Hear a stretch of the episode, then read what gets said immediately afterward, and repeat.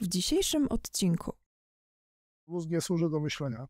Więc ja zawsze mówię, że nie ma sensu w małżeństwie zadawać pytania, powiedz dlaczego mnie kochasz. Całe ciało konsumuje tyle, co 100-watowa żarówka na godzinę i mózg z tego 20%, czyli 20 wat, no to jest mniej więcej 2-3 grosze energii. I mózg za pomocą tej energii musi dosłownie zrobić wszystko.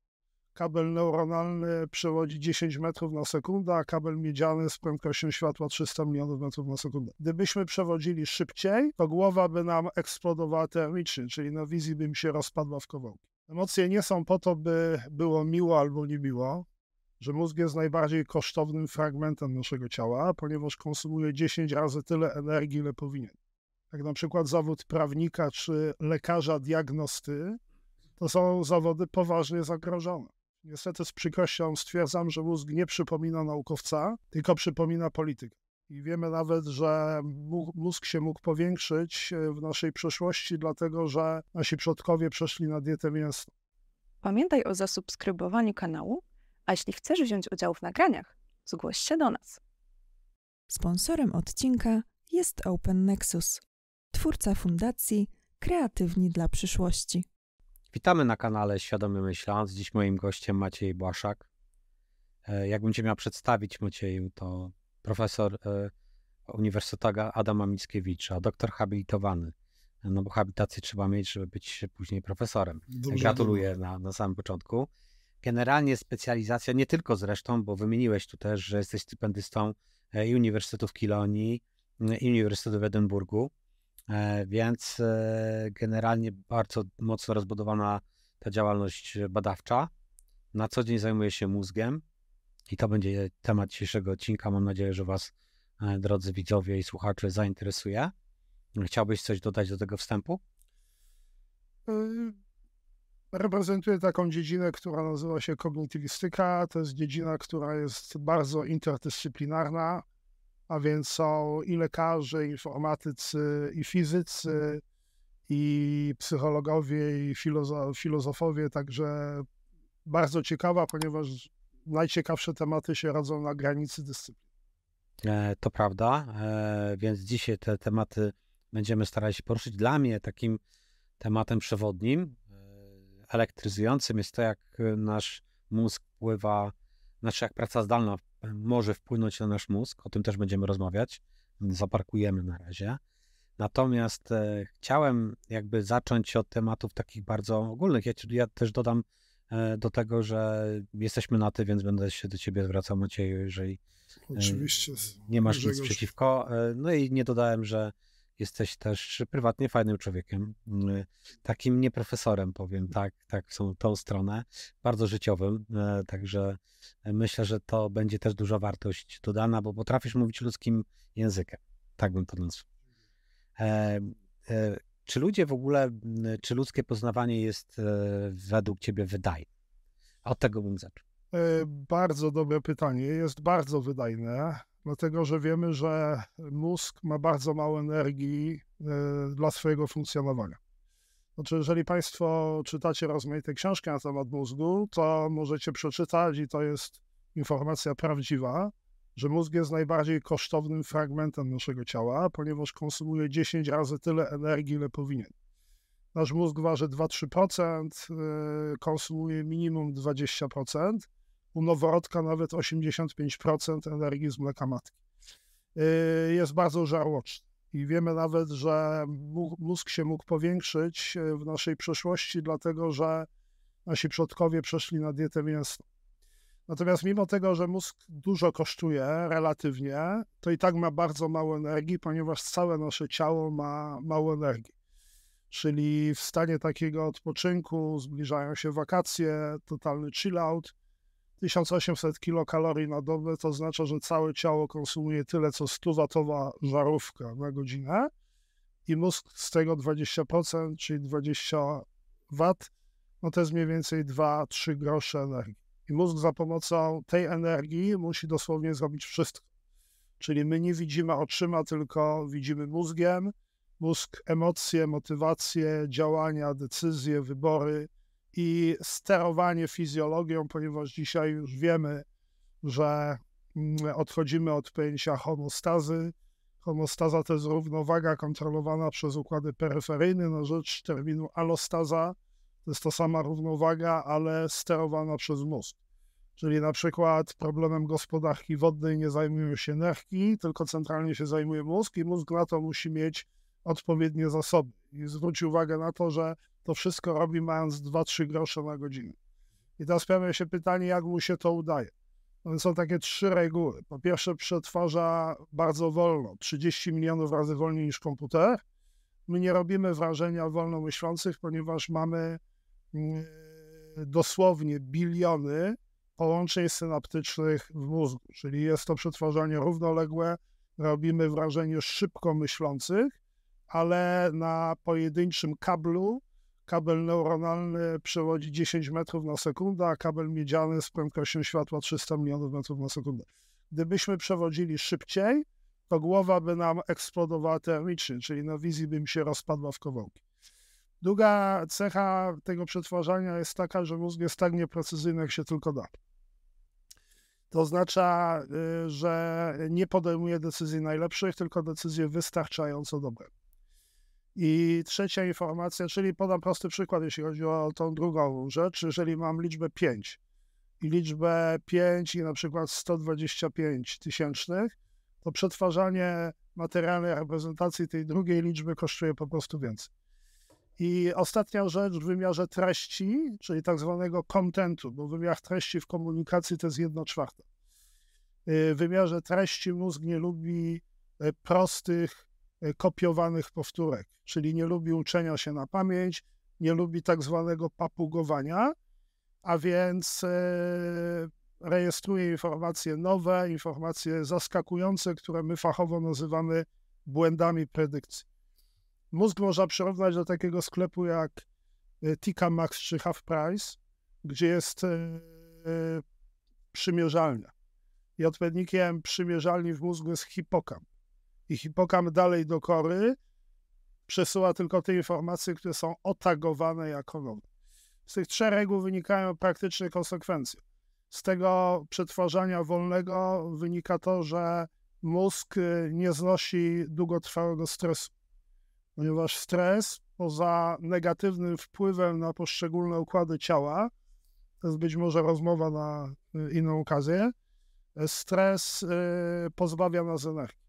Więc jeżeli Państwo macie w życiu dużo stresu, no to nie ma jeszcze godzin południowych, a my jesteśmy już wyczerpani. Mówimy, nie mam siły, jestem wykończony. Ale nie dlatego, że masz dużo pracy, tylko właśnie dlatego, że y, przystępując do prostych zadań, nie masz energii. Jeżeli chodzi o ten brak precyzji, to oznacza, że w naszym życiu perfekcjonizm we wszystkich obszarach to jest duża woda. Czyli musimy się nauczyć stawiać priorytet. U mnie to wygląda w ten sposób, że jak ja mam zajęcia ze studentami, to dwie rzeczy są dla mnie ważne, a cała reszta, mówiąc delikatnie, jest wrzucona do tła. Czyli ważny jest poziom zajęć, ważne są relacje ze studentami, nieważna jest biurokracja. Czyli nawet jeżeli w zakresie moich obowiązków jest sprawdzanie obecności, ja tego nie robię, choć powinienem. Natomiast jak ja to będę robił, to mózg mi wystawi rachunek. Ja mam tylko dwa grosze, więc jak zacznę sprawdzać obecność, już nie napiszę artykułu. Nie przygotuję wywiadu, no więc muszę się na coś zdecydować, tak? E, jednym z wątków właśnie, który poruszyłeś, e, są e, emocje. Tak naprawdę w wieku 38 lat zacząłem się nazywa, nauczyć nazywać emocje. Do tej pory wydawało mi się, że kieruję się logiką. Natomiast właśnie mój mm, obraz zburzył profesor Roma, który powiedział, że pomiędzy rozumem a działaniem nie ma żadnych połączeń mózgu, a są pomiędzy emocjami a, a działaniami. Co najwyżej rozum oczywiście ma wpływ na, na emocje, emocje potem na, na, na właśnie działania. E, natomiast jak napisałem taki wpis na, na LinkedInie o tym, dałem e, przypis do tego filmu z, z profesora Mama, to byłem hejtowany, że to, że to bullshit. Jak byś się do tego... E, może najpierw powiem, dlaczego byłeś hejtowany. Zacznę od końca. Otóż mózg, e, i to ma związek trochę z pierwszą częścią, mózg nie służy do myślenia, tylko mózg jest po to, żeby jego właściciel odniósł sukces życiowy, a sukces życiowy to jest sukces społeczny. Czyli jeżeli mamy pewne poglądy, które są elementem naszego światopoglądu, to jesteśmy w stanie polec by ich bronić. Innymi słowy, jesteśmy słabo odporni na elementy falsyfikujące, czyli elementy wykazujące fałszywość tego, co mamy w głowie. Ta reguła nazywa się błędem potwierdzenia, czyli confirmation bias, czyli dobieramy informacje do naszych poglądów. Niestety z przykrością stwierdzam, że mózg nie przypomina naukowca, tylko przypomina politykę. No dla polityka, jeżeli fakty nie pasują do moich poglądów, tym gorzej dla faktów. Więc mówiąc krótko, jeżeli zamieściłeś wpis i komuś ten wpis wybitnie nie pasuje, to on nie powie, muszę zrewidować poglądy. Ale mi również on nie pasował. Tak, tak, no ale tutaj zadziałał z kolei wpływ e, autorytetu, to co już wykazał Stanley Milgram, czyli Czytałem profesor, profesor Ome powiedział, profesor Blickle powiedział, to jest wiarygodne źródło informacji. Rzeczywiście e, profesor Ome, zresztą znamy się też, e, profesor Ome ma rację. Ja zawsze mówię, że czasami Mm, czasami mówimy, dobrze, że przemyślałeś i podjąłeś decyzję. Otóż my podejmujemy decyzję nie dlatego, że przemyśleliśmy, tylko dlatego, że odczuliśmy. Czyli emocje są bardzo ważne, bo one dają impuls do, do, do działania. Ja powiem krótko. Emocje nie są po to, by było miło albo niemiło, tylko emocje pełnią bardzo ważną funkcję adaptacyjną. Przede wszystkim y, są rodzajem audytu. Czyli emocja rozstrzyga, czy to, co ja robię, na przykład w tej chwili rozmawiam z tobą i jakoś się czuję, czy to, co ja robię, jest dla mnie korzystne, czy jest niekorzystne. Więc e, są odpowiedzialne za taką oś, którą nazywamy approach avoidance. Za approach, za zbliżenie jest odpowiedzialna dopamina, za avoidance, ucieczkę jest odpowiedzialna noradrenalina. I ten system audytu pełni drugą funkcję, która się nie wyklucza, mianowicie systemem wczesnego strzegania. Czyli jak y, badamy przepływ informacji w mózgu, to pierwszy etap czasowo to jest etap emocjonalny. Co to oznacza w praktyce? W praktyce to oznacza, że jak przychodzimy na spotkanie tak jak dzisiaj, to pierwszą rzecz, którą musimy zrobić, to musimy, mówiąc kolokwialnie, partnera do rozmowy urobić emocjonalnie. Czyli musimy zrobić, żeby było miło, i dopiero jak będzie miło, to ja zacznę się zastanawiać, po co ja w ogóle tutaj przyszedłem. Więc na przykład y, krytyczną cechą y, w firmach ludzi od stanowiska pracownika do stanowiska szefa jest y, sympatyczny profil emocjonalny. Bo możesz być wybitnie kompetentną osobą, natomiast jak ja mam pewien problem z tobą, jeżeli chodzi o emocje, to po prostu w ogóle nie dojdę do fazy myślenia, nie dojdę do fazy rozpatrywania twojej, twojej oferty, no chyba, że jesteś monopolistą i nie ma wyjścia. E, mamy takie testy, jest taki test, który nazywa się e, test hazardu z Uniwersytetu Iowa, Iowa Gambling Task, którym widać wyraźnie, co to oznacza, że emocje są systemem wczesnego strzygania. Mamy takie cztery talie kart, karty obrócone grzbietem do góry, dwie talie są pechowe, dwie talie są szczęśliwe, co oznacza szczęśliwie pechowe. Jak ciągnę te karty, no to z każdym ciągnięciem jest jakaś wygrana. Akurat na tych pechowych jest nawet wyższa, bo to jest 100 dolarów, a na szczęśliwie 50. Ale raz na 10 jest przegrana i w przypadku pechowym jest dotkliwa 1250 dolarów. W każdym razie w skali 10 kart na talii pechowej yy, jestem na debecie 250, szczęśliwych na górce 250. Jeżeli ja bym zaproponował tobie udział w tej grze i na przykład zaczyna ściągnąć z tej talii pechowej, bo nie wiesz, że to jest pechowa, to prawdopodobnie po kilkunastu e, ciągnięciach kart możesz to zrobić. Mówisz, coś mi się z tą talią nie podoba, przerzucę się na inną. Możesz to zrobić i robisz to. Ale ja się pytam, słuchaj Grzegorzu, wszystko gra, mam tylko pytanie, co się tobie nie podoba z tą wyjściową talią? Nie jesteś w stanie udzielić odpowiedzi.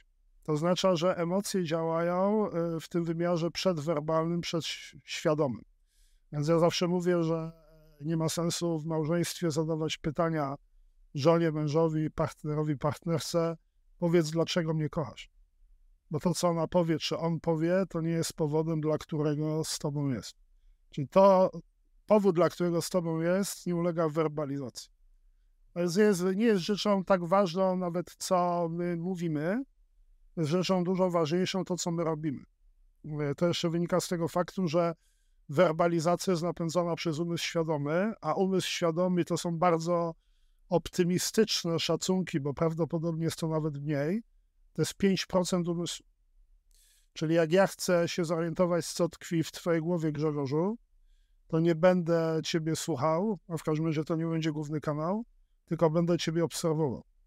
Bo ty poprzez y, całe swoje działania, tutaj nie mówię o komunikacji niewerbalnej, nie mówię o mowie ciała.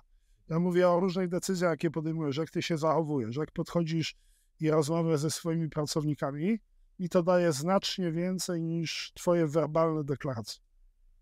Okej, okay, bardzo, bardzo cenne dla mnie takie podsumowanie tych, tych emocji. Natomiast e, poruszyłeś jeszcze jeden taki mniej e, fajny temat e, wydajności naszego mózgu, porównałeś to do światłowodu. I teraz jak to jest do sztucznej inteligencji? Czy jesteśmy na, na takiej straconej pozycji? Pewnie w jakichś obszarach tak. W pewnych obszarach y, jesteśmy już od dawna na straconej pozycji.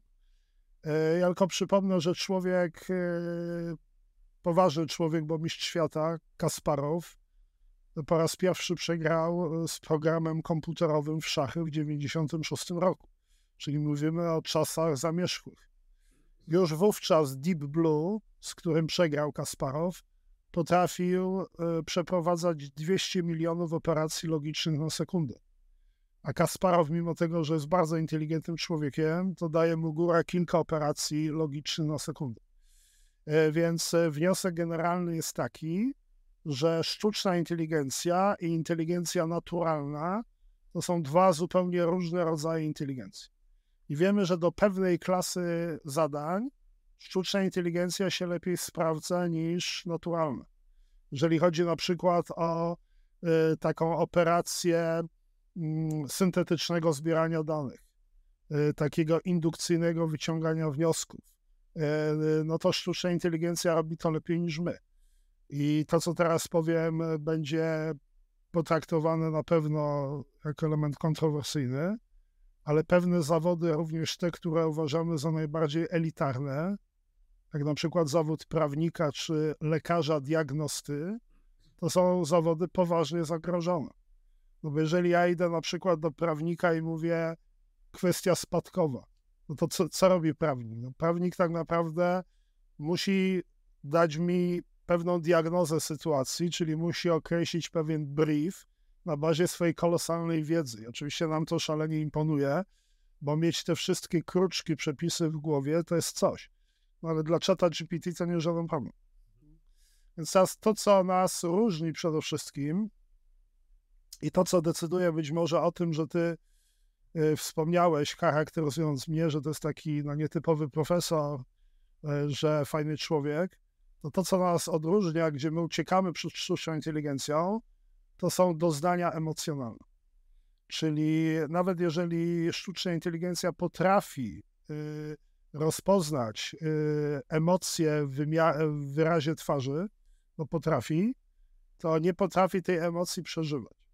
Czyli praktycznie y, no nie wszyscy, którzy nas słuchają, są ze świata biznesu ale w biznesie e, emocje i przeżycia emocjonalne są krytyczne, ponieważ e, bardzo wiele takich działań to są takie działania, gdzie my sugerujemy, co zrobimy i wiemy, że druga strona rozumie, bo to przeżywa. Na przykład jest taka kategoria, za którą Thomas Schelling dostał Nobla z ekonomii, która się nazywa zobowiązanie, czyli commitment. Czyli ty możesz mi wysłać sygnał, nawet nie musisz tego powiedzieć, że już dalej się nie cofniesz w negocjacjach, ja ten sygnał rozpoznam. Ale ja rozpoznam dlatego, że ja przeżywam i ja potrafię przeżyć to, co ty przeżywasz, to, co ty myślisz, bo ty i ja w mózgu mamy neurony lustrzane. Natomiast tej operacji nie potrafi zrobić sztuczna inteligencja. Czyli po prostu ona klasyfikuje wyrazy twarzy, ale sama nie przeżywa. Tam temat idzie jeszcze dalej. My w mózgu mamy na przykład sumienie. Jesteśmy szalenie wrażliwi na wartości.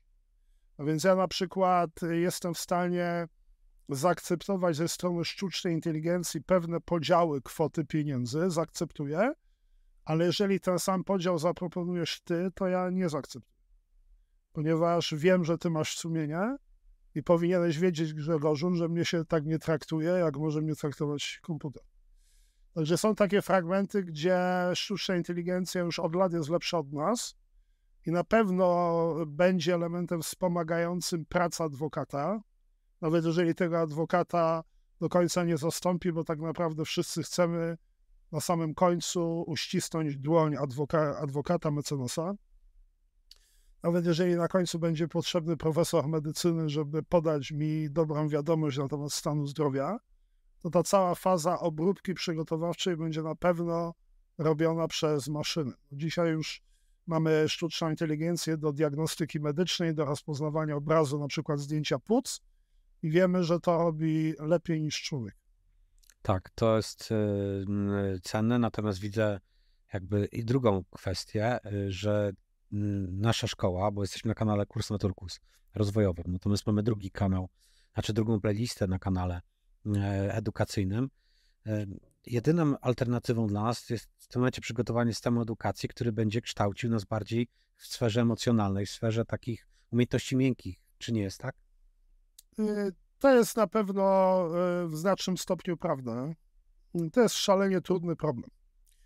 Dlatego, że y, ty zresztą już takie wywiady też prowadziłeś o takich alternatywnych systemach edukacyjnych i ja się oczywiście pod tym podpisuję. Natomiast musimy pamiętać jeszcze o jednej rzeczy, że mm, ważną kwestią w przypadku czata GPT jest zadanie właściwego pytania. I często się mówi, no nie muszę się tego wszystkiego uczyć, bo ta informacja jest w sieci.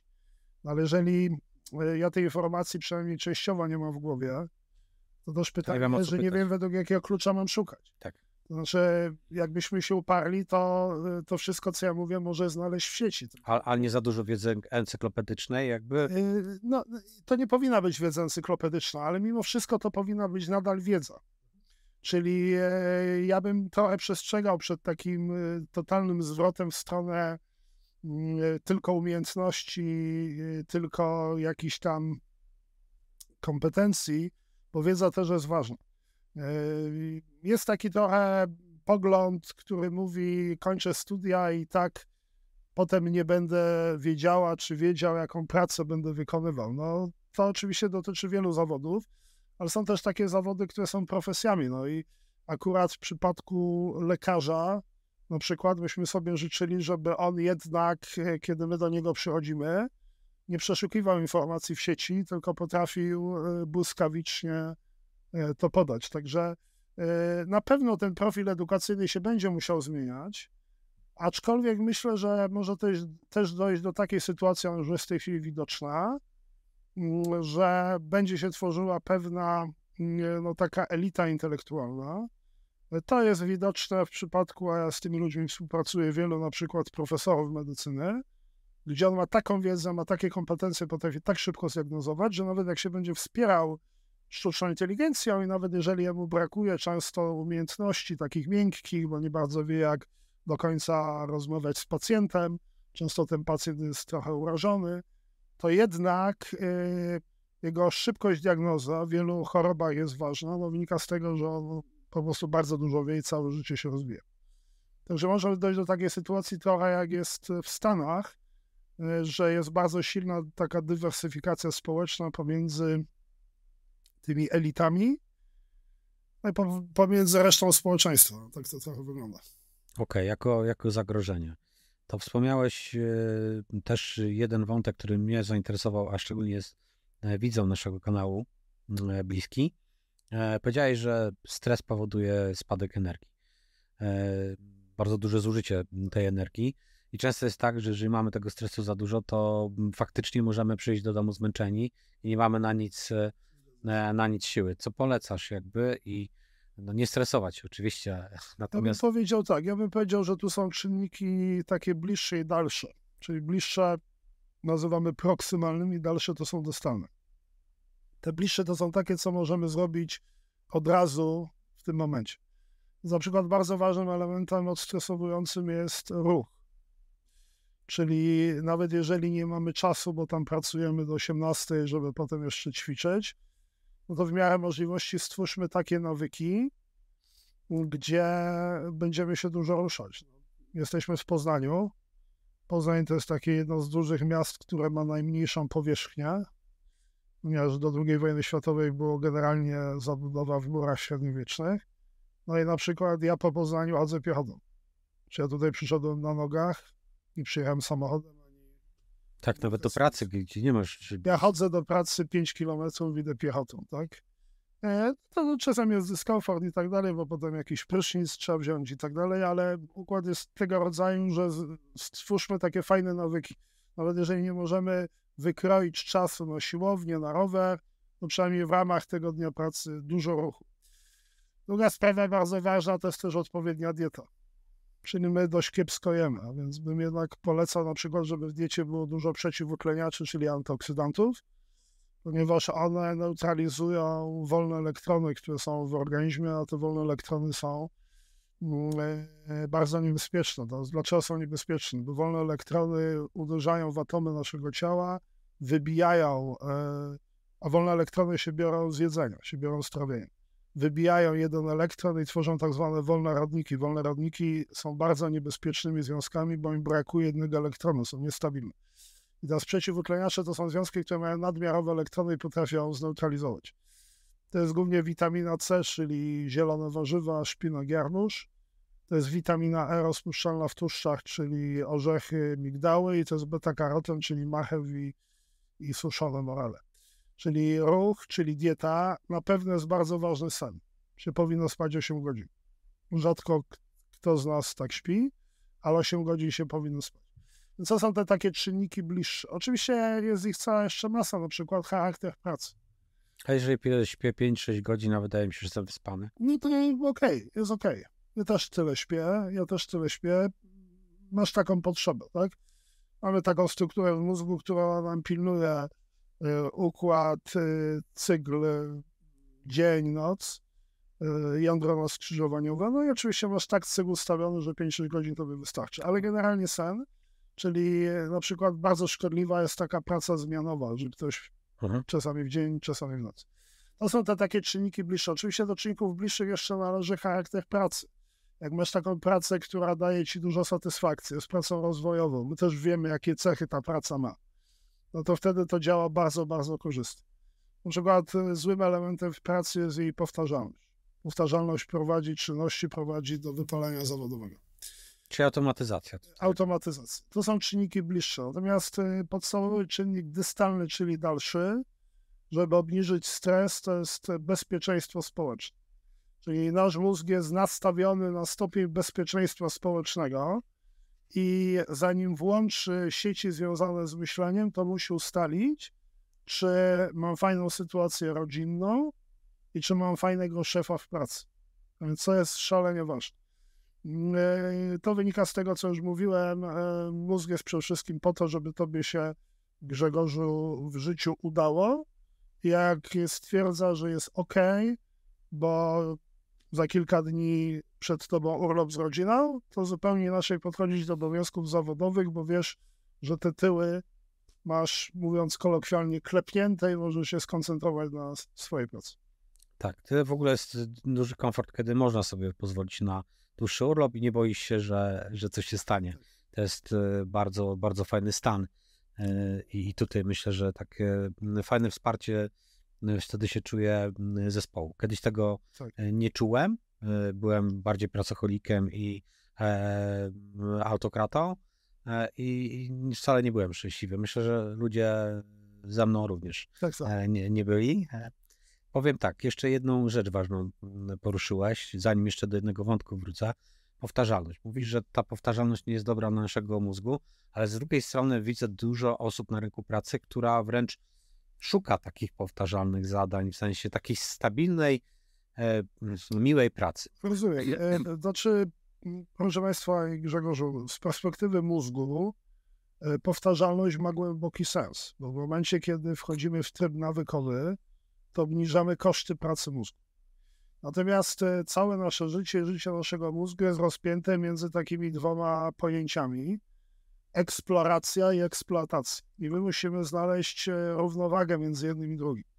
E, nie ma sensu mówić, że nasza praca powinna być non-stop kreatywna, że my mamy w ramach organizacji być radykalnie innowacyjni bez przerwy, ponieważ kreatywność, innowacja to są rzeczy, które są bardzo kosztowne, są bardzo ryzykowne i są relatywnie niebezpieczne. Dlatego, że my wtedy odkrywamy nowe lądy, no i do końca nie wiemy, co nas tam czeka. Czyli mózg dąży do takiej sytuacji, żeby te nowe lądy podkrywać, ale jak już odkryjemy i stwierdzimy, że ta wyspa jest niezamieszkana i generalnie ma fajny klimat, ma słodką wodę i ziemię nadającą się do uprawy, no to staramy się zbudować małą stabilizację. Mhm. Czyli to, że ludzie chcą się stabilizować w swojej pracy, to zrozumiałe. My często mówimy, że najlepszy biznes to jest biznes powtarzalny. E, ja to zawsze widzę po, po, po, po swojej pracy, ponieważ ja również szkolę różne firmy. No i to ma plusy i minusy. Plusy są takie, że każda firma oczekuje czegoś innego, więc to jest dla mnie rozwojowe. Ja przygotowuję jakieś różne programy, no i to generalnie jest ok. Ale tak między Bogiem i prawdą to jest dość męczące ponieważ skrajna indywidualizacja klienta oznacza, że no ta faza przygotowawcza do finalnego występu jest bardzo długa. Du, du, dużo lepsza metoda jest trochę taka, że ktoś ma szkolenia z jakiegoś tematu technicznego, tak, na przykład temat prawa czy przepisów BHP, no i wiadomo, że opowiada te same rzeczy, czy podobne, to nie są rzeczy rozwojowe, no ale to są rzeczy energetyczne tanie, bo tak naprawdę nie trzeba się przygotowywać, wychodzę z jakiejś imprezy rodzinnej, idę wprost na szkolenie, więc mózg szuka pewnej równowagi. Ja uważam, że jeżeli jest za dużo powtarzalności, to e, mózg siądzie, więc to nie jest dobra praca. Hmm. Aczkolwiek taka praca skrajnie, skrajnie kreatywna, e, no też może być wyczerpująca, bo kreatywność jest kosztowna. Okej, okay, du dużo energii zużywamy. Dużo Nawet energii. jeżeli to te 2-3 grosze. Ale to jest hmm. bardzo dużo. No, właśnie w, wchodzimy w jakiś nowy projekt i my sami, tak? Dzisiaj mamy pierwsze spotkanie i między Bogiem i prawdą wiemy, że, że, że, że, nam się uda, bo ja już udzielałem wywiadów i to jest nie twój pierwszy wywiad, no ale zawsze jest taki element, ty mnie przywitałeś i się zapytałeś, w jakiej jestem formie, tak? No to w związku z tym to pokazuje, że to jest coś nowego, tak? I, I, my to lubimy i to jest super i można by na tym zakończyć, ale to jest energetycznie sytuacja trochę kosztowna. Ale to jest tak, trochę tak jak z dojazdem do miejsca pracy. No, z perspektywy mózgu byłoby dobrze, żebyśmy za każdym razem jechali inną drogą. Dobra. To... Byłoby dobrze, ale wada jest taka, że wtedy musisz być bardzo skoncentrowany. Jak jedziesz zawsze tą samą drogą do pracy, e, czyli jedziesz po prostu trochę jak szczur w labiryncie, no to wtedy możesz problem jazdy wrzucić do nawyków, czyli jądra podstawy mózgu, i tak naprawdę koncentruje się na rozmowie, która cię czeka w firmie. No to jest ta zaleta. Mhm. A, a jeszcze taki ważny wątek, który poruszyłeś, zanim przejdę do mojego tematu, takiego wisienki na torcie. Mówiłeś coś o bardzo fajny przykład o perfekcjonizmie. perfekcjonizmie. Mówiłeś, jak to ze studentami nie sprawdzasz tej listy obecności, koncentrujesz się, bo byś za dużo energii zużył. Co im możesz polecić, jeżeli ktoś jest perfekcjonistą? E, chce, spina się, bo też zauważyłem jedną zależność. E, mam sporo znajomych w kręgu, którzy są perfekcjonistami. Mamy też sporo firmie perfekcjonistów. E, bardzo szlachetna cecha generalnie, bo on nie boi się o jakość dowiezionych rzeczy, które, które oni robią. To jest świetna rzecz w ogóle i, i nieoceniona. Natomiast z drugiej strony widzę u nich często duże napięcie, duży stres. No, bardzo dużo. Tak, co, co byś im no, doradził? Krótko, no, tu mówię życzliwie, te osoby, wszystkie, studenci, i pracownicy, powinni przede wszystkim, i, i, i brak umiejętności jest wodą, powinny zdefiniować, co w danym dniu będzie naprawdę ważne. Co będzie naprawdę ważne, bo są pewne rzeczy, które są mniej ważne. Jeżeli ktoś tego nie potrafi, to my tak podchodzimy, no wiesz, on jest perfekcjonistką, czy on jest perfekcjonistą, ale to jest poważna wada. Czyli my po prostu musimy Y, zdefiniować to, co się czasami mówi, najważniejsze działania. Ja podam prosty przykład. Jest takie pojęcie paraliżu decyzyjnego. Było zrobione badanie przez ekonomistę mm, e, Szafira i, lekarza Radelmajera nad y, lekarzami. Wiemy, że jest bardzo bolesna operacja wszczepienia endoprotezy, potem jest bardzo bolesna rehabilitacja, więc z perspektywy pacjenta trzeba robić wszystko, żeby leczyć zachowawczo lekami. No i powiedzmy, że lekarze już przetestowali wszystkie leki, w przypadku tego człowieka nie, nie, nie, nie działają i nagle się dowiadują, że jest jeszcze jeden lek, który mogą przetestować. No więc 47% lekarzy się decyduje go przetestować. A druga grupa się dowiada, dowiedziała, że są dwa leki. No więc w tej grupie, gdzie były dwa leki, tylko 28% lekarzy decyduje się przetestować. To jest kompletny absurd. Ponieważ dwa leki to lepiej niż jeden lek. E, a ta liczba spadła. Czemu spadła? No bo to jest obciążenie decyzyjne dla lekarza. Jak lekarz mówi, dobra, mam testować jeszcze kolejny lek, to ja wysyłam gościa pod nóż na operację. I teraz co w tym życiu lekarzy powinno się zadziać? Powinny być przez dyrekcję szpitala, określona nawet przez ministerstwo, określone tak zwane najważniejsze działania. A najważniejsze działanie brzmi operacja tylko w ostateczności, kiedy wszystkie leki zostały przetestowane. Czyli na przykład, jeżeli masz w pracy kogoś, kto jest perfekcjonistą, to jemu trzeba wręcz napisać na, ekranie monitora przykleić, yy, co jest ważne, a co jest, czyli co jest obligatoryjne, a co jest fakultatywne. No my to musimy odróżniać. To, to jest zupełnie krytyczna kwestia. To myślę, że fajną rzecz poruszyłeś. Bo to, to... Jest, to jest taka sytuacja, w jakiej my często jesteśmy, i tutaj też wracamy do tematu emocji, że jesteśmy na jakiejś imprezie, a spotykaliśmy się na rozmaitych konferencjach, jest jakaś kolacja i tak naprawdę ja wiem, że to zabrzmi cynicznie, instrumentalnie, ale biznesmen to jest ktoś, kto po 10 minutach wie, z kim pogadać. A z kim, jak rozmawiamy, to jest tylko rozmowa towarzyska. Czyli są rozmowy strategiczne i są rozmowy towarzyskie. I nie czarujmy się, takie coś jest. Na przykład y, to, to, to, to ma też takie konsekwencje, Podam jeszcze przykład. Za, za rekrutację jest odpowiedzialny na przykład HR. Ale my wiemy, że rozmowa z osobą z HR-u w temacie załatwienia jakiegoś kontraktu jest pozbawiona sensu, ponieważ tam nie ma ludzi decyzyjnych. Czyli kuryzm polega na tym, że HR testuje, a decyzję podejmuje ktoś, kto ciebie w akcji nie widział. Czyli podstawowa zasada jest taka, że ty musisz dotrzeć do decydenta i ten decydent nie jest HR-u, tylko jest zarządu. Czy tam z, z zespołu, jak u nas zespołu. zespołu. No ja nieraz miałem taką sytuację, że bardzo fajnie ktoś wykazuje zainteresowanie, a potem dalej z tego nic nie wynika, ponieważ człowiek od decyzji to nie był człowiek podczas tej rozmowy. I teraz my musimy na takim spotkaniu, jesteśmy mili dla wszystkich, ale strategicznie rzecz ujmując, no pewni ludzie to są takie kluczowe yy, węzły sieci. I, to samo jest, wracając do Twojego pytania, z naszymi obowiązkami w pracy. My musimy wiedzieć, że y, pewne spotkania, pewne maile, pewne telefony są kluczowe, wszystkie inne są ważne, no ale nie mają tego statusu najwyższego priorytetu. Jak ktoś tego nie potrafi, to ja powiem krótko, no, no my mówimy sympatycznie, no wiesz, on już taki jest, ale to jest poważna wada. To trochę tak jakby być piłkarzem i nie umieć prosto kopać piłki. Tak, dosyć dosadnie to powiedziałeś, ale e, kwestia nauczenia się priorytetyzowania, myślę, żeby być efektywnym. Jest bardzo ważna i tutaj wracam do przykładu profesorów Omej Blicklego, za to są odpowiedzialne emocje. Wyższa Szkoła Zarządzania i Bankowości i Open Nexus. O trybie podstawowym od podstaw, a o przetargu nieograniczonym bez żadnych ograniczeń. To doskonała okazja do nawiązania nowych kontaktów, poznania nowych ludzi, ekspertów w branży i wymiany doświadczeń.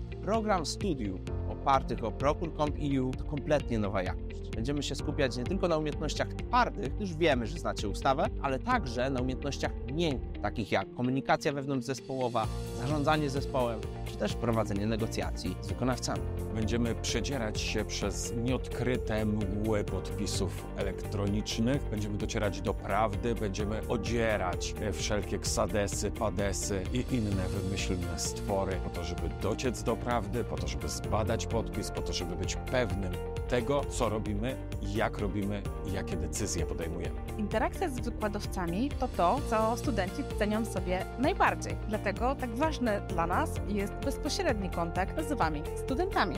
Gwarantujemy największą dawkę wiedzy praktycznej, bezpośrednio od praktyków zamawiających.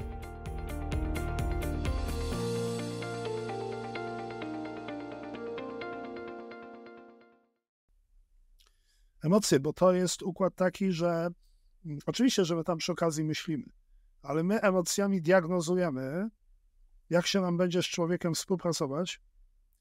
My na bazie emocji też budujemy pewien obraz osób, tak? Czyli my się znamy, Ja się też o tobie dowiaduję jakichś dodatkowych informacji niezwiązanych z pracą, ale mających bardzo duży wpływ na moją ocenę twojej osoby w pracy. Czyli na przykład mam wyobrażenie o twoich prywatnych poglądach w sferze wartości, to nie miało żadnego związku z pracą, na pozór, a dla mnie są bardzo istotne z perspektywy tego, na ile ty jesteś wiarygodną osobą w biznesie. Czyli czy na przykład bardzo ważną informacją o tobie jako biznesmenie jest wiedza o tobie jako osobie prywatnej. To tak. się dowiedziałem, jaki masz plan wakacyjny i tam mi bardzo dużo podpowiada, jak się między nami będzie układał. E, też e, bardzo dobre kluby piłkarskie, zanim sprowadzą zawodnika, e, zaczynają badanie od tej drugiej strony, jak on się zachowuje, jaki, jaki jest. To są te najlepsze kluby. Ja się też interesuję piłką. Mieliśmy super utalentowanych ludzi, którzy nie spełnili się w piłce z powodów osobowościowych. No, akurat przykładem był Balotelli, we Włoszech, ale to też nie było jego wina, bo wiemy, że, że jego dzieciństwo było trudne, ale to jest krytyczna cecha. To jest krytyczna cecha i, i, i my wiemy, że ktoś, kto jest e, najlepszym kapitanem drużyny, taki w Barcelonie był Pujol, e, to był świetny piłkarz, ale to nawet nie musi być najlepszy piłkarz. To musi być ktoś, kto ma pewną charyzmę. Dlatego już karierę skończył Ibrahimowicz, ale Ibrahimowicz był tam w klubie trzymany do czterdziestki, nie dlatego, że już bardzo dobrze grał, ale integrował szatnię. I teraz Trzymają za, za ryj, tak mówią. E, no tak mówią, I, i, ale to co to oznacza, bo te błędy się też popełnia. Na przykład na uniwersytecie, nie mówię o moim uniwersytecie, ale mówię generalnie uniwersytet, jak profesorowie osiągają wiek emerytalny, no to najczęściej uczelnia się z nimi żegna. A to jest bardzo duży błąd ponieważ oni, nawet gdyby mieli te przysłowiowe jedna trzecia etatu, co nie są żadne pieniądze, to pełnią rolę takich mentorów dla młodszych. Więc wypuszczenie takich ludzi to jest strategiczny błąd. Tak. Tych ludzi trzeba do końca trzymać, bo on się może pojawić raz w miesiącu, ale działa niezwykle inspirująco dla ludzi, którzy zaczynają pracę. To możemy obserwować nawet całą mądrość plemienną. E, jak oni się zachowują, jak, ja, ja, jak właśnie Radę Starszych e, traktują. Wszystko się zgadza. Zresztą dobry przykład, my mamy nawet w dzisiejszym świecie też umysłowość plemienną e, i to widać w wielu aspektach. Na przykład funkcjonujemy w grupach do 150 osób i w to wliczamy rodzinę, bliższą, dalszą, znajomych, przyjaciół itd. Tak w momencie, kiedy jest więcej osób w kręgu naszych zainteresowań niż 150, pojawia się biurokracja, czyli szefostwo już nie wie, co się dzieje na dole firmy. Kiedy badamy na przykład, bada się takie społeczności Indian nad Amazonką, to tam wioski nie są nigdy liczniejsze niż 150 osób. Jak wioska się rozrasta, to jest taki efekt jak rojenie pszczół, czyli młody wódz wyprowadza ekipę, zakłada nową wioskę. No bo jak szaman wychodzi z szałasu i widzi dziecko, to musi wiedzieć, czy dziecko jest od Kowalskich, czy od Wiśniewskich. On ogarnia do 150 osób, to jest tak zwana liczba Dunbara, korelująca wielkość kory mózgowej z liczebnością grupy, nad którą panuje teraz y, pytanie, które chyba, na które czekałem. Mam nadzieję, że nasi widzowie również są jakby spragnieni odpowiedzi twojej. E, COVID, y, kwestia później pracy zdalnej, kwestia izolowania naszego.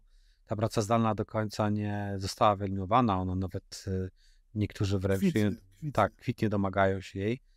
Mm, zastanawiam się, jak to, jak długoterminowo może mieć wpływ na nasz mózg. Znaczy ja powiem w ten sposób. Generalnie wpływ jest negatywny.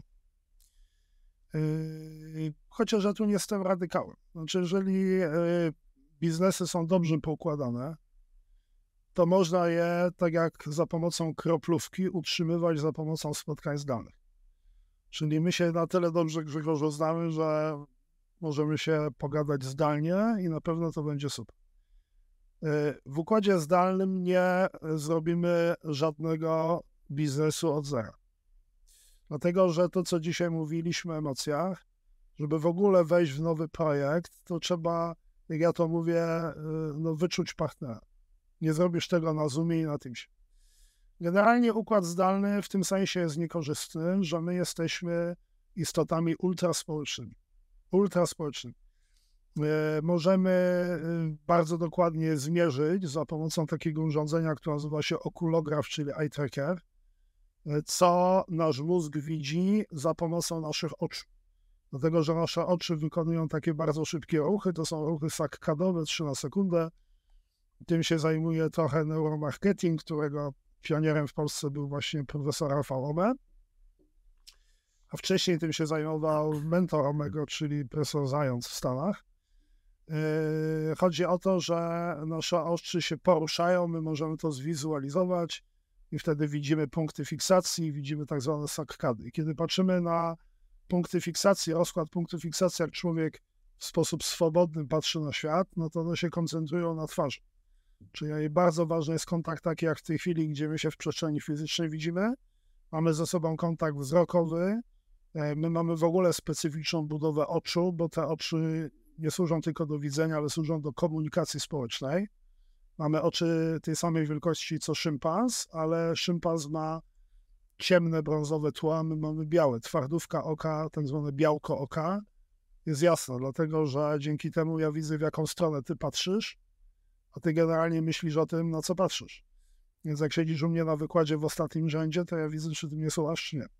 Gdybym tam posadził, przepraszam za porównanie szympansa, no to szympans, y, ja nie wiem, czy szympans mnie słucha, czy mnie słucha, ale w świecie szympansów to nie jest problem, bo szympans nigdy nie dopuści drugiego szympansa na taką odległość, zwłaszcza samiec i samiec, y, jak my siedzimy. Więc e, ja bym powiedział w ten sposób, y, ponieważ jesteśmy ultraspołeczni, to chcemy zobaczyć twarz, chcemy zobaczyć człowieka. Całe twoje zachowanie, cała twoja postawa, sposób, w jaki mnie dzisiaj przyjąłeś to wszystko definiuje relacje między nami. Ja już to zebrałem, ja to zakodowałem i ja to będę wykorzystywał w kolejnym spotkaniu. E, Negatywne czy pozytywne? No zdecydowanie pozytywne. Piję bardzo dobry napój zrobiony z wielu składników. Zostałem świetnie przez Ciebie obsłużony. I to są rzeczy, które e, ważą w tematach paradoksalnie niezwiązanych.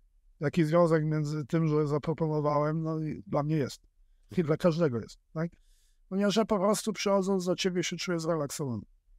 Ja się trochę czuję tak, jak przychodzę do mamy na obiad. To jest dobry sygnał. Y, druga sprawa jest następująca, y, związana z COVID-em. Otóż y, wiemy, że największym dramatem, jaki nas może w życiu spotkać, to jest samotność. Mózg jest jedynym organem ciała, który nie ma komórek bólowych, czyli nocyceptorów, Czyli jak boli ciebie głowa, a wspominaj, że dzisiaj ciebie trochę boli, to, to nie boli mózg, tylko układy oponowe.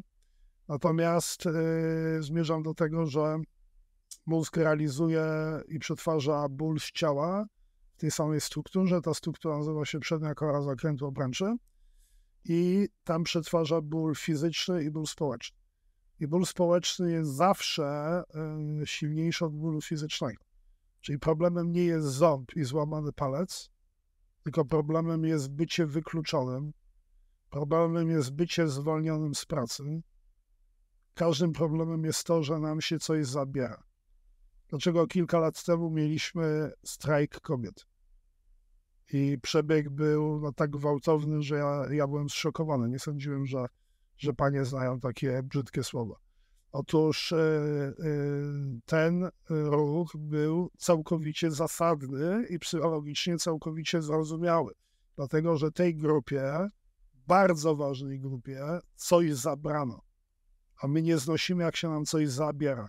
Więc ja nie muszę dzisiaj nic dostać ekstra, ale nie mogę stracić status quo. Więc układ jest, to z góry było wiadomo, wtedy się włącza taka emocja reaktancja. Jak nam się czegoś zakazuje, to my jeszcze bardziej tego chcemy. I zmierzam do tego, że mm, nie lubimy, jak się nam zabiera, nie lubimy, jak się nas izoluje, nie lubimy, jak się nas czegoś pozbawia, a najbardziej nie lubimy, jak się nas pozbawia kontaktu z innymi ludźmi. E, jest taki fenomen od jakiegoś czasu związany z internetem, nazywa się fear of missing out czyli obawa przed tym, że mnie nie ma na jakiejś grupie dyskusyjnej, gdzie się toczy wymiana zdań. Więc mamy czasami taką obsesję, że sprawdzamy tego LinkedIna, sprawdzamy tego Facebooka, ale jak tutaj ktoś rozmawia na jakiś temat i nikt mnie nie powiadomił, że jest ta rozmowa, to jest oczywiście sytuacja chora, ale ta sytuacja chora z radykalizacją naszych potrzeb. Więc jak ty jesteś e, szefem firmy, to twoje pierwsze przykazanie jest, że masz być inclusive. Czyli wszyscy twoi pracownicy mają mieć poczucie bycia włączonymi. Jeżeli jest taki pracownik, który się średnio utożsamia z firmą, to on jest mentalnie poza firmą. W związku z tym można powiedzieć, że y, czysto technicznie na pewno spotkania zdalne będą utrzymywane. Y, z rozmaitych względów, nawet jeżeli student wie, że to jest dla niego niekorzystne, ponieważ jednak spotkanie z dobrym wykładowcą to jest co innego niż widzenie go w kamerce, to i tak student będzie tam głosował za spotkaniem zdalnym, no bo nie musi przyjechać do tego Poznania, do tej Warszawy na te studia, nie musi wynająć, to są koszta. On sobie siedzi w domu w piżamie i tak dalej. Nie? I więc w tym momencie go rozumiem. On wie, że poziom jest niższy, ale generalnie tak mu pasuje. Ale myślę, że ten układ zdalny wpłynie na e, całokształt edukacji. No. Sobie nie wyobrażam spotkań zdalnych, a były takie przecież e, całe roczniki na studiach medycznych, nawet na studiach prawniczych, gdzie pewne case'y trzeba przedyskutować, wątpliwości. Wiadomo, że w tej chwili się próbuje te spotkania zdalne zrobić maksymalnie interaktywnymi, się prowadzi ćwiczenia, warsztaty, to wszystko rozumiem, ale... Nie ma tej otwartości. Nie ma tej otwartości, e, w związku z tym no, to jest mniejsze zło. Nie wiemy, kto jest po drugiej stronie, więc... Nie wiemy. Nawet jak włączy tą kamerę, to, to nie do końca w takiej grupie nikt się też nie otworzy. Bardzo ważne są, bardzo ważne są otwarcie. Na przykład e, my potrafimy za pomocą dość prostego zabiegu skrócić dystans między sobą. Już tak mamy krótki dystans, ale gdybym ja chciał go skrócić, to jest prosty przepis. E, zaczynam się przed tobą otwierać i zaczynam mówić o takich rzeczach osobistych. To nie muszą być rzeczy przyjemne, to mogą być rzeczy nieprzyjemne. Na przykład mówię tobie, że przebyłem pewną chorobę, nikomu o tym nie mówiłem, powiem Grzegorzu tobie jako pierwszy. I jeżeli jeszcze w tej otwartości to wzmocnię, czyli podkreślę taki aspekt no szczególnie e, mocny, wyrazisty, mięsisty, to ja widzę na twojej twarzy takie zdziwienie. Takie nie zdziwienie, co ty mi opowiadasz, tylko takie zdziwienie, zainteresowanie. W tym momencie dochodzi do tak zwanego primingu, czyli torowania neuronów dopaminergicznych w polu brzusznym nakrywki, czyli one są przygotowane do y, akcji. I w momencie, kiedy ty na moje otwarcie odpowiesz swoim, czyli powiesz, wiesz co Macieju, to teraz ja tobie coś powiem, to ta dopamina jest wyrzucana i zaczęliśmy spotkanie od 3 metrów dystansu, a kończymy na 50 cm. Ja bym jeszcze taką, nie wiem, czy to niezbyt odważna e, hipoteza, ale wspomniałeś na samym początku, no, wspomnieliśmy o tym, e, jakby emocjach, które mają wpływ potem, czym możemy wykazać sztuczną inteligencją, czyli ty, tymi umiejętnościami miękkimi, e, emocjami, których jakby ona może rozpoznawać, ale niekoniecznie będzie w stanie przeżywać. To są te nasze przewagi, które do tej pory może nie występowały. I według mnie pracą zdalną możemy sobie odciąć nasze jedyne przewagi e, to, długoterminowo. I to jest takie. Znaczy, to, to już w tej chwili jest. E, e, już w tej chwili technicznie możemy stworzyć awatara, który nam takie rzeczy operacyjne, excelowskie zrobi tak jak my, a nawet lepiej ponieważ nie zastrajkuje, nie zmęczy się, nie będzie miał humorów, nie wstanie lewą nogą. Więc to w tej chwili e, my powinniśmy być świadomi, że jeżeli e, relacja z szefem staje się coraz bardziej instrumentalna, czyli pracownik mówi, dobra Grzegorzu, powiedz mi, co mam zrobić, a zrobię. I tam nie ma, jak ja to mówię, żadnej gry wstępnej, no to on sobie kopie grób. Mhm. Czyli ja zawsze mówię do moich studentów, to zresztą potwierdza teoria negocjacji, że y, studenci muszą maksymalnie się do mnie zbliżyć. Czyli na przykład muszą sprawić, że ja w relacje z nimi zainwestuję czas, energię, emocje i pieniądze. Czyli na przykład jak ja przychodzę do ciebie i ty jesteś moim szefem, jesteś gospodarzem, ale ty jesteś moim szefem i bardzo dziękuję za zaproszenie, no to ja muszę zrobić wszystko, żeby nie ja, tylko żebyś ty zainwestował w relacje ze mną. Bo jak ty zainwestujesz w relację ze mną, to tobie będzie trudno odejść od stolika współpracy. Tak, e, i w drugą stronę to ja dziękuję w sumie za przyjęcie zaproszenia, bo temat był ciekawy. E, tu bym zrobił kropkę, e, tylko jeszcze jedna rzecz ważna, bo poruszyłeś to. Prowadzisz również szkolenia dla firm, dla instytucji, dla samorządów również. Mamy to takie grono. Jak no, może nawiązać z Tobą współpracę, jeżeli ktoś będzie zainteresowany? Damy link w opisie. Masz jakąś stronę czy maila? Będę, miał stronę, e, mogę podać maila. To damy, dodamy maila w opisie. E, może być również kontakt, zwłaszcza jeżeli chodzi o samorządy, przez Open Nexusa. W związku z tym jest wiele takich tematów, E, które myślę, że, że mogą być dla grupy docelowej interesujące. To wynika z prostego faktu. Obojętnie jakie myśmy wszyscy fajne studia kończyli, no to wiedza w mojej dziedzinie, wiedza o człowieku się podwaja co 3 lata. Z jakie to były fajne studia, to na pewno ta wiedza jest już lekko zdezaktualizowana. Po drugie, wiemy, że nawet jak biznes dotyczy podatków, finansów, a też szkole spedytorów, więc to są bardzo techniczne obszary, no to gdzieś tam ciągle się przewija człowiek, komunikacja między ludźmi, podejmowanie decyzji, motywowanie, no przed tym nie uciekniemy. No i zasada jest prosta, jeżeli my nie wiemy, e, jak to robić, bo nie mamy odpowiedniej teorii, ja przypomnę takiego psychologa Kurta Lewina, który kiedyś powiedział, nie ma niczego równie praktycznego jak dobra teoria. Więc odwołam się do prostego przykładu. Jeżeli osoby, które mnie słuchają, mają dzieci, no to oczywiście te nasze dzieci wychowujemy intuicyjnie. Jesteśmy gdzieś tam przez ewolucję przygotowani do tego, żeby mniej więcej wiedzieć, jak się zachować. No ale to osiąga do pewnego pułapu jest, a potem, żeby wiedzieć, jak dziecku pomóc, no to trzeba mieć pewną wiedzę, pewną teorię na temat rozwoju dziecka. Na przykład musimy wiedzieć, co się dzieje z mózgiem dziecka między drugim a 15 rokiem życia, gdzie z jednej strony on się powiększa, ale z drugiej strony połowa połączeń ginie ginie według reguły użycia albo śmierć, zwanej reguły Hebba, więc tak naprawdę są pewnego typu wskazówki już w tej chwili dostarczane przez naukę, które moim zdaniem i w biznesie, i w takiej równowadze praca, czas wolny, e, w ogóle czas wolny jest kapitalny, bo czas wolny to nie jest tylko wybiera się na urlop, to nie jest tylko czas resetu, ale to jest też czas bardzo intensywnej pracy twojego mózgu ale właśnie w innym obszarze niż wtedy, kiedy pracujesz w firmie. Y, I ciekawe jest to, że ten obszar czasu wolnego jest ważniejszy od tego obszaru zadaniowego. Więc jak wybierzesz się na urlop, to nie tylko będziesz odpoczywał, ale twój mózg będzie przeprowadzał bardzo ważne operacje, na przykład stawianie ciekawych pytań, czyli kreatywność, porządkowanie materiału, czyli kategoryzacja. Więc jak masz mało czasu wolnego, masz bałagan w głowie. Następnie mentalizacja, czyli to będziesz tak naprawdę leża, leżąc na plaży, czy, czy, czy, czy będąc w jakimś, e, nie wiem, mieście, będziesz myślał o planach powakacyjnych. Mm, tam się też buduje podmiotowość, zwłaszcza Twoich dzieci, mhm. w oparciu o grupę, o sytuację.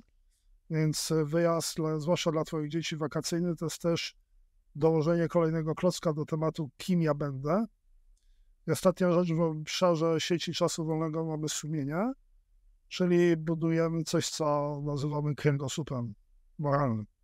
A więc y, wakacje to nie jest tylko przerwa między pracą, ale dla mózgu to jest ten moment, gdzie ustawisz całą kolejną.